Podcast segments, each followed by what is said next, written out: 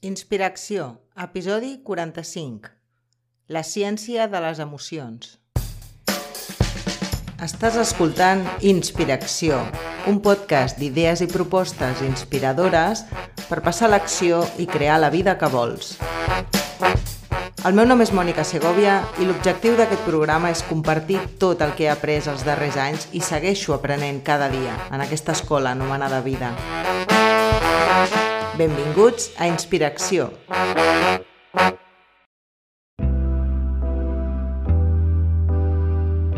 Un dels principis fonamentals de la intel·ligència emocional és que l'emoció és energia i, per tant, és informació. Totes les emocions contenen dades importants relacionades amb els nostres pensaments, actituds, creences i accions – per la qual cosa ser capaç de llegir les emocions pròpies i alienes t'ajudarà a transitar el camí d'una manera més lleugera i serena. Els camps de la biologia, la psicologia, la neurologia i fins i tot l'antropologia han donat llum sobre com funciona el nostre complex sistema d'emocions. En primer lloc, el cervell. El cervell té tres capes de sofisticació. El nivell més bàsic és el cervell reptilià, que està lligat a la nostra supervivència. Llegeix constantment el nostre entorn per detectar signes de perill i, quan en detecta un, l'amígdala inicia la resposta de lluita o fugida. La seva funció principal és preparar el cos per escapar o enfrontar-se al perill. La part mitjana és el cervell límbic, també conegut com el nostre cervell emocional, de nou, la nostra supervivència està lligada a aquesta part perquè hem de poder connectar-nos amb els altres. Aquesta capa s'adapta a categories emocionals àmplies com la felicitat, la tristesa, el fàstic o l'amor. I finalment, la porció externa del cervell és el neocòrtex, que és el nostre cervell pensant, també conegut com el centre executiu on fem l'anàlisi lògica i la presa de decisions – el nostre palet emocional s'expandeix per incloure emocions més matisades i ens permet tenir pensaments sobre les emocions sentides. Un punt molt interessant és que quan el nostre cervell reptilià arrenca, literalment apaga les funcions de les altres porcions del nostre cervell. De nou, és, està lligat a la nostra supervivència, per tant, en moments de perill, realment el més important és sobreviure. Així doncs, apaga les funcions de les altres porcions del cervell juntament amb molts altres canvis físics per preparar el cos per la batalla. Això estaria molt bé si l'amígdala només es disparés quan estiguéssim realment en perill, com per exemple un accident de cotxe, un robatori, o no sé, o que ens trobéssim amb un lleó. Però aquí el tema clau és que la nostra pròpia història personal conforma l'amígdala i el que veu com a perill. Aquest és el punt més interessant per mi, per entendre moltes de les reaccions que tenim a l'entorn.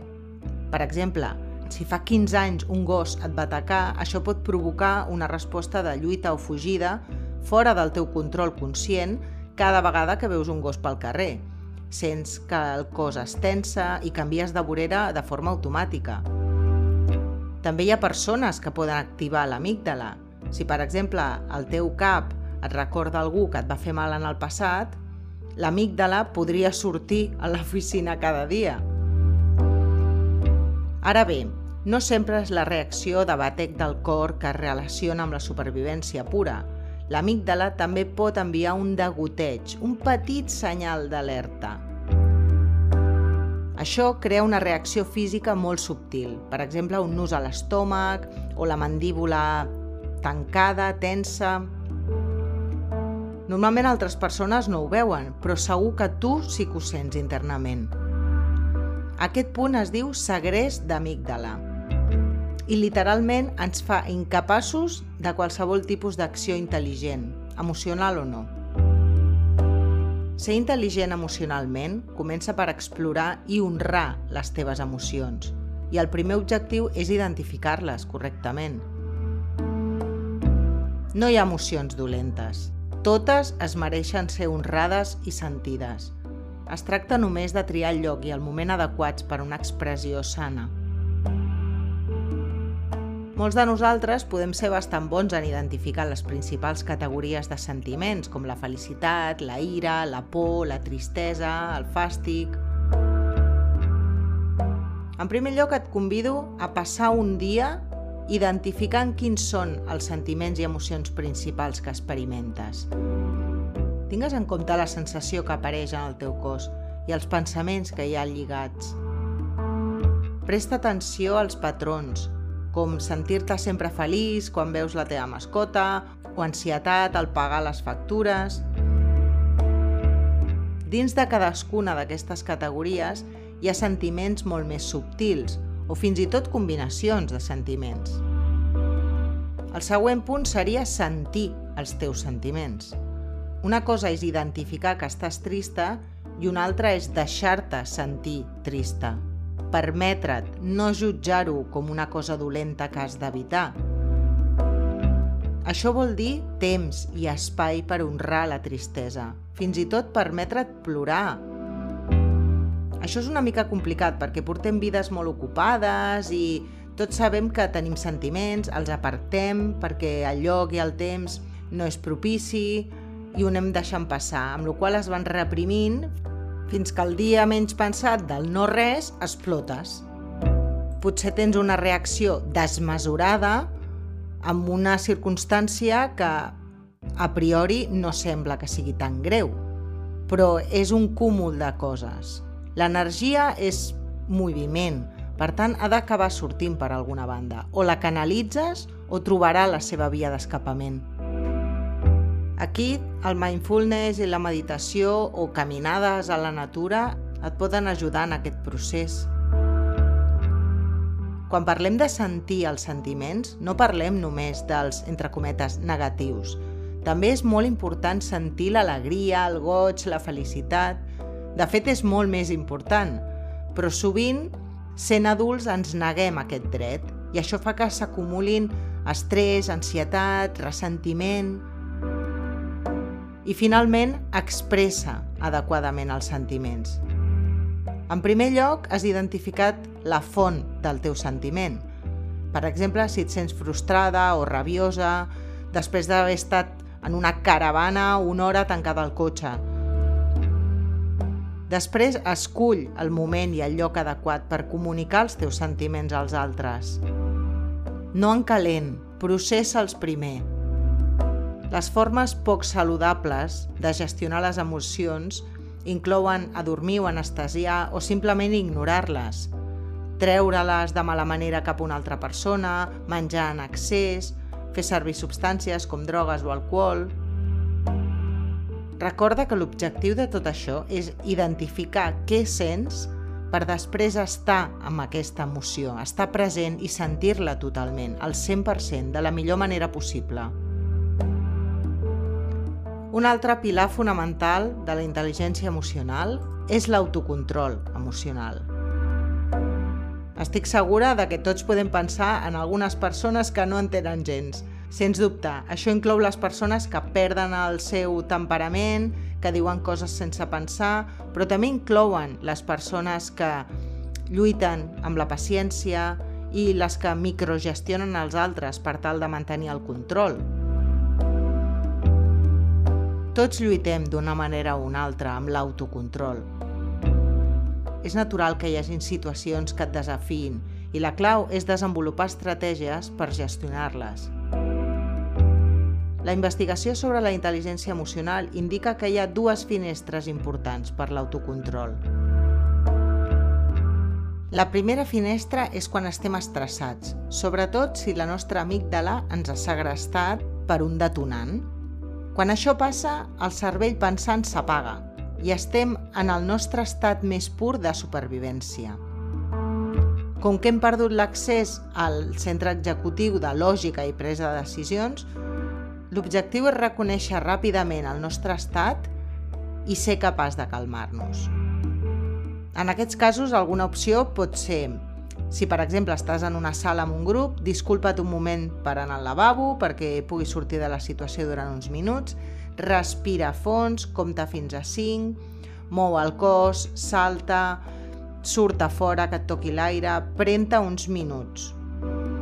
El més important que cal recordar és no fer cap acció fins que el cervell no torni a estar en línia.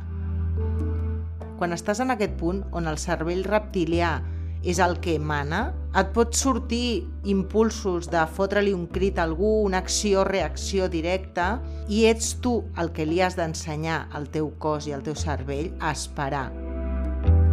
Tot el que has de fer és crear una mica d'espai i temps, i tot anirà bé. La segona finestra de temps és en les nostres interaccions quotidianes. Tenir autocontrol en aquestes situacions consisteix en pensar més enllà del moment actual, tenir una imatge més àmplia.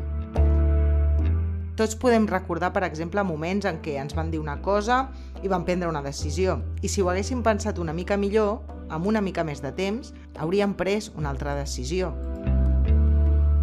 Si entrenes a esperar, augmentaràs les possibilitats de veure aquelles peces que et falten i sobretot escoltar més activament la teva intuïció i no actuar tant per impulsos.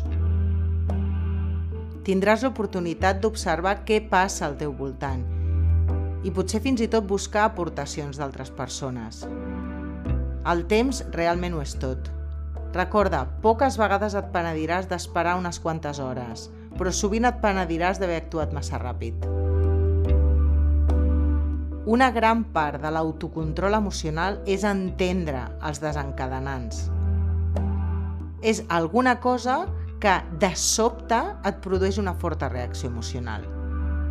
La clau aquí és que la teva emoció és més gran del que probablement ho justifica la situació et sents enfadada, furiosa, a la defensiva, espantada, angoixada, estàs jutjant o culpant algú altre, o fins i tot fent autocrítica i matxacant-te.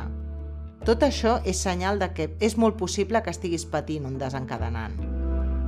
Part de la intel·ligència emocional és saber què et desencadena aquesta reacció.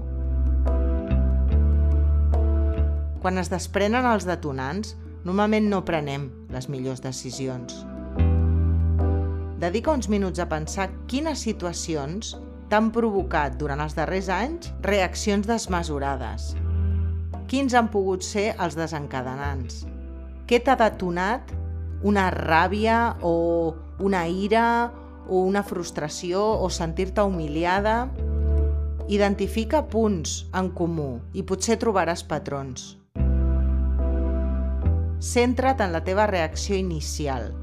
Fins i tot si les coses es van solucionar més tard o es van aclarir, aquí el punt és trobar el desencadenant. Tingues en compte que els nostres desencadenants són restes d'experiències difícils, físiques o emocionals, que van passar en el passat. Quan experimentem una situació similar o una persona que ens recorda un fet, a nivell inconscient el nostre cos, com que no entén de temps, respon. El motiu pel qual la nostra reacció emocional és més gran que la que justifica la situació és perquè té connexions amb el nostre passat. Els desencadenants són les ferides, encara obertes, de les experiències passades i no sanades. No hi ha cap ésser humà viu que no tingui desencadenants. És només una part de l'experiència humana, la majoria dels desencadenants provenen de traumes i ferides, no vistes, no sanades, no escoltades. Comprendre els desencadenants és un dels regals més importants que et pots fer com a persona. Només quan et permets brillar, dones permís als altres per fer-ho.